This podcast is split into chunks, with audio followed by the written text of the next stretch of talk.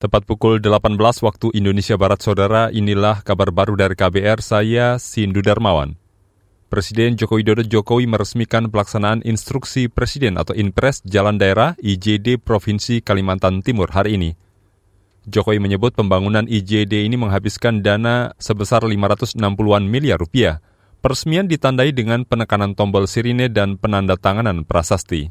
10 ruas jalan plus satu jembatan di Provinsi Kalimantan Timur sepanjang 50,9 km telah dibangun dengan biaya 561 miliar rupiah. Dan dengan pengucap Bismillahirrahmanirrahim, pada siang hari ini saya resmikan pelaksanaan Inpres Jalan Daerah di Provinsi Kalimantan Timur.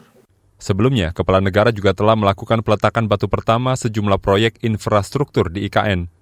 Selain itu, Presiden juga meninjau perkembangan pembangunan kantor Presiden dan melakukan seremoni penyelesaian konstruksi hunian untuk aparatur sipil negara ASN dan personel pertahanan keamanan atau HANKAM di IKN.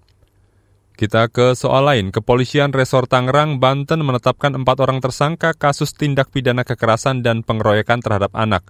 Inisial mereka adalah E, R, J, dan G. Sementara itu untuk tujuh orang anak saksi telah ditetapkan sebagai anak berkonflik dengan hukum atau ABH dalam kasus serupa.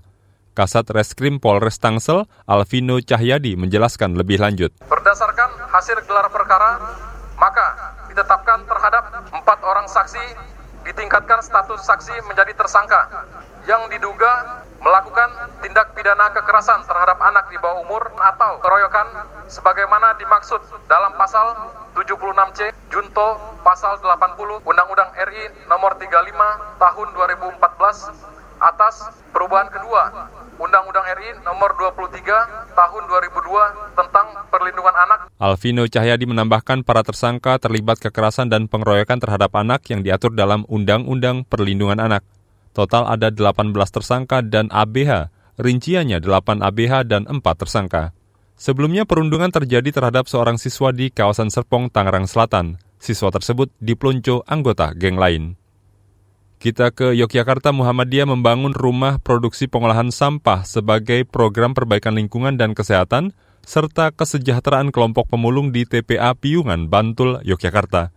Ketua MPM PP Muhammadiyah M. Nurul Yamin mengatakan program ini merupakan usaha transformasi mata pencaharian dari pemulung menjadi pengelola sampah melalui rumah produksi pengolahan sampah.